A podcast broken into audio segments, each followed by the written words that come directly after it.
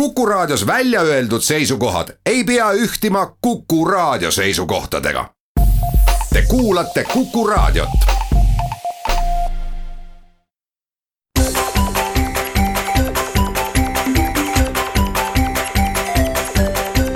maksumaksja koostöös Eesti Maksumaksjate Liiduga. tere päevast, eetris on saade Maksumaksja, mikrofoni ees on Lasse Lehis. selle nädala saates on mitu väiksemat teemat. rubriik maksualased uudised või Maksumaksjate Liidu uudised, kuidas meeldib. esimene teade ei ole võt-, nii väga võib-olla maksudega seotud, aga aga meie organisatsiooni jaoks siiski oluline teema, nimelt katuserahad, niinimetatud katuserahad. riigieelarve võetakse vastu ja taas nagu igal sügisel on palju kriitikat pälvinud see komme, mis on siis niinimetatud katuserahade jagamisel, kus siis teatud summa jäetakse valitsuse poolt lahtiseks ja riigikogu liikmed saavad siis oma äranägemisel neid rahasid jagada ja ka katuserahadeks nimetatakse neid ilmselt sellepärast, et kunagi aegade alguses olid koolimajade katused selline väga populaarne raha jagamise lemmikobjekt ja mm, praegu on nimelt Vabaühenduste Liit algatanud petitsiooni, kuhu saab veel anda allkirju ja Maksumaksjate Liidu poolt kutsun üles kõiki seda petitsiooni toetama. allkirjade kogumine toimub kodulehel aadressiga rahvaalgatus.ee ja lühidalt selle avalduse sisust, et miks siis algatajate arvates ja Maksumaksjate Liidu arvates samuti selline rahastamise viis tuleks ära lõpetada. Nimelt ei toimu avalikku ega läbipaistvat konkurssi. tavaliselt riigikogu liikmed jagavad neid rahasid oma valimisringkonda, et siis eputada selle rahaga järgmistel valimistel. see tähendab, et need rahade jagamisel ei arvestata riigi kui terviku vajadusi, vaid eelkõige lähtutakse poliitikute isiklikest huvidest. korruptsioonirisk, et on teada juhtumeid, kus poliitikud on raha suunanud teatud MTÜ-dele mis on selle poliitikuga suhteliselt lähedaselt seotud või selle erakonnaga tihedalt seotud. toimub koalitsiooni ja opositsiooni vahel selline lehmakauplemine, et sisuliselt ostetakse ka opositsioon ära, andes ka neile siis võimaluse mingi osa nendest katuserahadest jagada.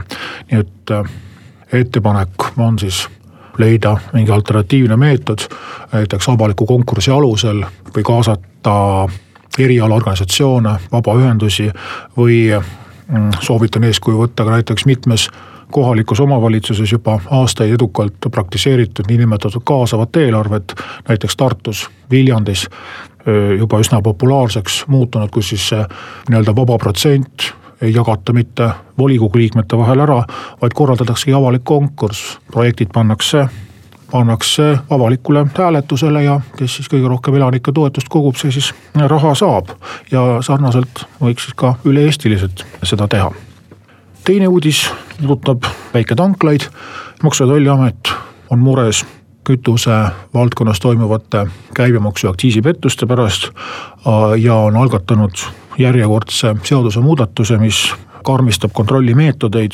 aga meie arvates seekord pingutatakse üle ja on selline kuri tunne, et siin on suured tanklaketid kasutanud võimalust ja maksupettuste vastu võitlemise sildi all soodustanud siis või mahitanud riiki selliseid reegleid kehtestama, mis väiketanklad sootuks välja suretavad ja seetõttu Maksumaksjate Liit andis oma toetuse väikekütusemüüjate petitsioonile, mis riigikogu poole saadeti. mis siis probleemid on?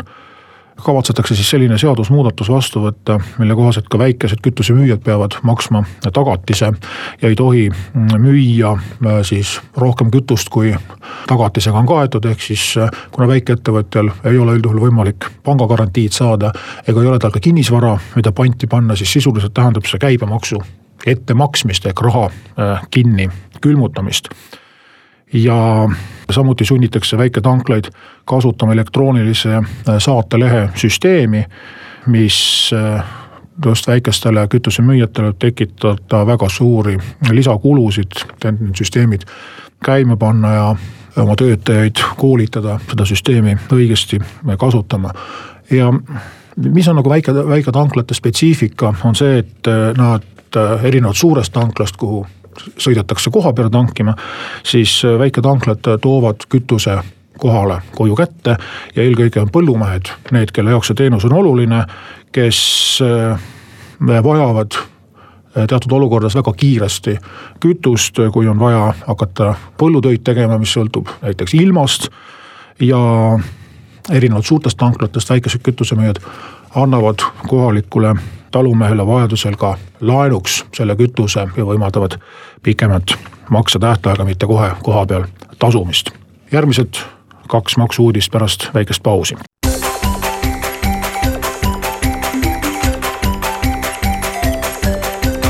maksumaksja koostöös Eesti Maksumaksjate Liiduga. saade Maksumaksja jätkab ja järgmised maksualased uudised.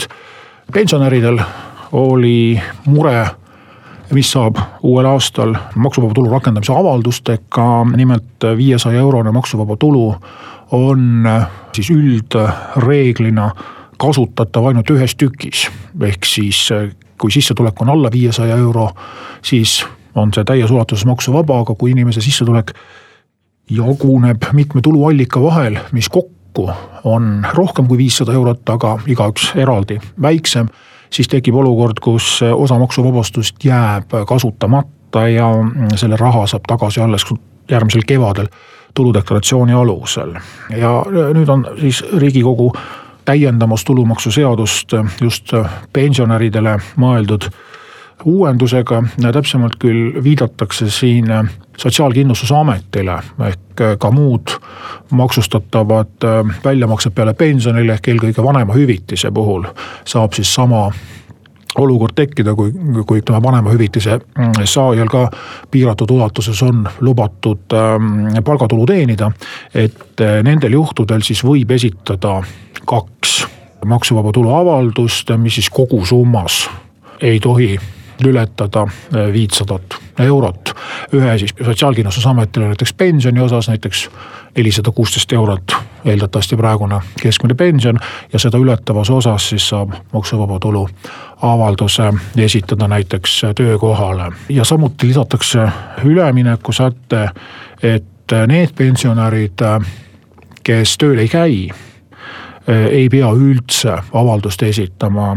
nimelt selgus, et meil on siiski päris suur hulk inimesi, kes on ilmselt teadmatusest jätnud maksuvaba tulu rakendamise avalduse esitamata ja maksavad või lasevad oma pensionilt liiga palju tulumaksu kinni pidada.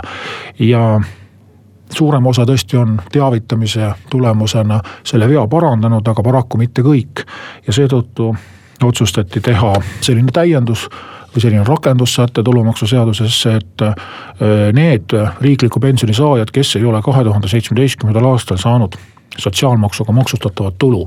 see tähendab siis, ei ole tööl käinud, ei ole palka saanud, siis äh, loetakse nad avalduse esitatuks, isegi siis, kui nad avaldust ei ole esitanud. ehk siis äh, rakendatakse nende suhtes automaatselt maksuvaba tulu ja pensionilt tulumaksu kinni ei peeta, kui tegemist ei ole just väga suure pensioniga üksikute äh, eripensioni saajatega lisatakse ka selline täiendus tulumaksuseadusesse, et äh, see puudutab nüüd äh, tavalisi äh, töötajaid. eelkõige siis selliseid, kes töötavad mitmel töökohal ja on esitanud avalduse siis maksuvaba tulu rakendamiseks ja saavad siis lisatulusid, millega nad ei ole maksuvaba tulu avalduse kirjutamisel arvestanud, kas ei ole tahtnud arvestada või ei ole osanud arvestada. siis Maksu- ja Tolliametil on plaanis käivitada teavitussüsteem, teavitada siis nii töötajat kui ka tema tööandjaid seda tööandjat siis, kes maksuvaba tulu rakendab. et kui enne aasta lõppu on töötajal maksuvaba tulu nii-öelda limiit täis saanud, siis eh, plaanib Maksu- ja Tolliamet teavitada tööandjat. ja tööandja saab sel juhul pöörduda töötaja poole ja küsida, kas ta äkki soovib maksuvaba tulu rakendamisest loobuda, et eh, vältida tulumaksu juurdemaksmist riigile. kui töötaja jaoks ei ole probleem, siis loomulikult võib jätkata seni kehtiva avaldusega. probleem siin aga on selles, et tegemist on maksusaladuse avaldamisega, nimelt tööandja saab teada, et tema töötajal on lisasissetulekud. ja ta on selle Maksu- ja Tolliameti kaudu teada saanud ja et maksuametit ei hakataks süüdistama seaduse rikkumises, pannakse siis seadusesse selline võimalus kirja, et niimoodi tööandjat võib teavitada. ja viimane uudis, uuest aastast käivitub maanteekasutustasu veoautodele, kõikidele alates kolme koma viie tonni massiga veoautodele. alates kaheteistkümnest tonnist veoautodel on raskeveokimaks lisaks raskeveokimaksule tuleb ka teekasutustasu. ja teekasutustasu tuleb siis ka juba väiksematele veokitele äh, alates siis kolmest koma viiest tonnist ehk kategooria N2. puudutab veoautosid, mitte näiteks busse või, või traktoreid või, või tee-ehitusmasinaid, just nimelt äh, veoautosid ja kui me räägime kõige väiksematest ehk äh, siis alla kaheteist tonnistest veoautodest, siis äh, viissada eurot on aastatariif. ja maksta saab kas aasta eest, saab maksta üheksakümmend päeva, kolmkümmend päeva, seitse päeva ja võib maksta ka ainult ühe päeva eest. Need lühemad mm, graafikud on muidugi eelkõige Eestit läbivatele välismaa veokitele mõeldud, aga ka Eesti kohalikud äh, ettevõtted võivad sellega arvestada, et kui näiteks väga pikka aega autod liiguvad kusagil mujal Euroopa teedel, siis ei ole mõtet sama aja eest topelt maksu maksta ja valida siis mingisugused lühemad perioodid ja viissada eurot on siis väikeste veoautode puhul ja kaheteist tonniste raskemate puhul on nüüd variante rohkem, sõltuvalt siis auto telgede arvust ja.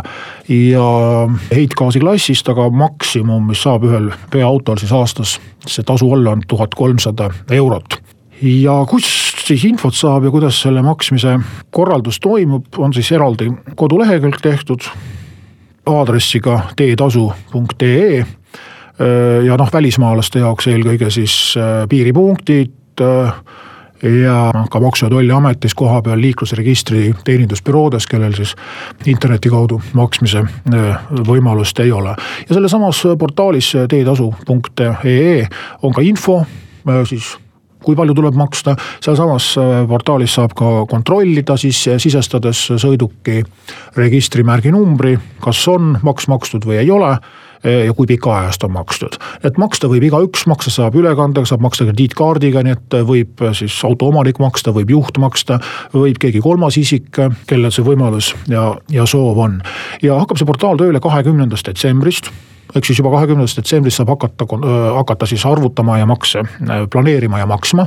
aga tasu ise hakkab kehtima alates esimesest jaanuarist. nii et on võimalik siis ette ära maksta, nii et esimesel jaanuaril siis saab rahulikult sõitma hakata. Ja kui teekasutustasu on maksmata, siis ei ole lubatud sõidukit kasutada, ehk siis autojuht võib saada trahvi, kui politsei sõiduki kinni peab ja selgub, et tasu on tasumata. Sellised uudised siis vastu minnes jõuluajale, me kohtume veel järgmisel nädalal, aitäh kuulamast.